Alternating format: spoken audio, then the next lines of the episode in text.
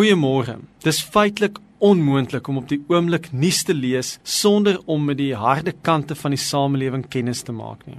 Of dit die briewekolom, die sportafdeling is, of die voorblad. Suid-Afrikaners is die dingesin. Ook met rede natuurlik. Ons het baie om oor ongelukkig te wees. Ek is telkens verstom oor wat hierdie nuus met my doen. Dit is asof dit my binnekant verhard. Ek stamp my toon en braak gal op my siel. Ek ry in Kerkstraat af en frons vir die ou wat net te stadig oor die pad stap. 'n Vrou sit op die trappies by die treinstasie en vra my iets. Ek weet nie wat sy vra nie, want ek maak my ore toe, skud my kop en stap net verby. Ek kan maak soos ander mense wat ek ken en eerder nie nuus lees of radio luister nie. My kop in my dop trek en leef asof alles perfek is. Ek kan ook, soos baie ander mense wat ek ken, die heel dag loop en kla oor die en daai en hulle en julle. Ek kan egter ook bid. Daar is 'n baie ou gebed in die kerk. Dit word genoem Kyrie eleison. Letterlik sou mense dit kon vertaal met Here, kry ons jammer.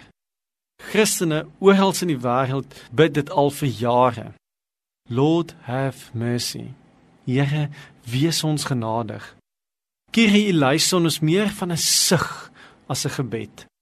Mense wat hierdie gebed gereeld bid, weet dat ons almal in weerlose afhanklikheid voor 'n Here leef wat ons ellendige menswees baie goed ken. Jesus se bergwysheid leer ons om hierdie gebed ook teenoor ander te leef.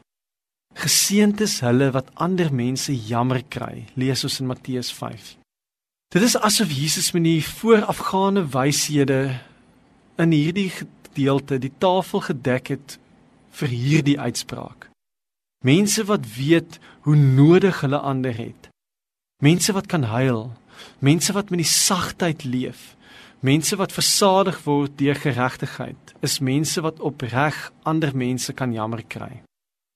Mag jy dan bid, Here, help my om met genade teenoor ander te leef.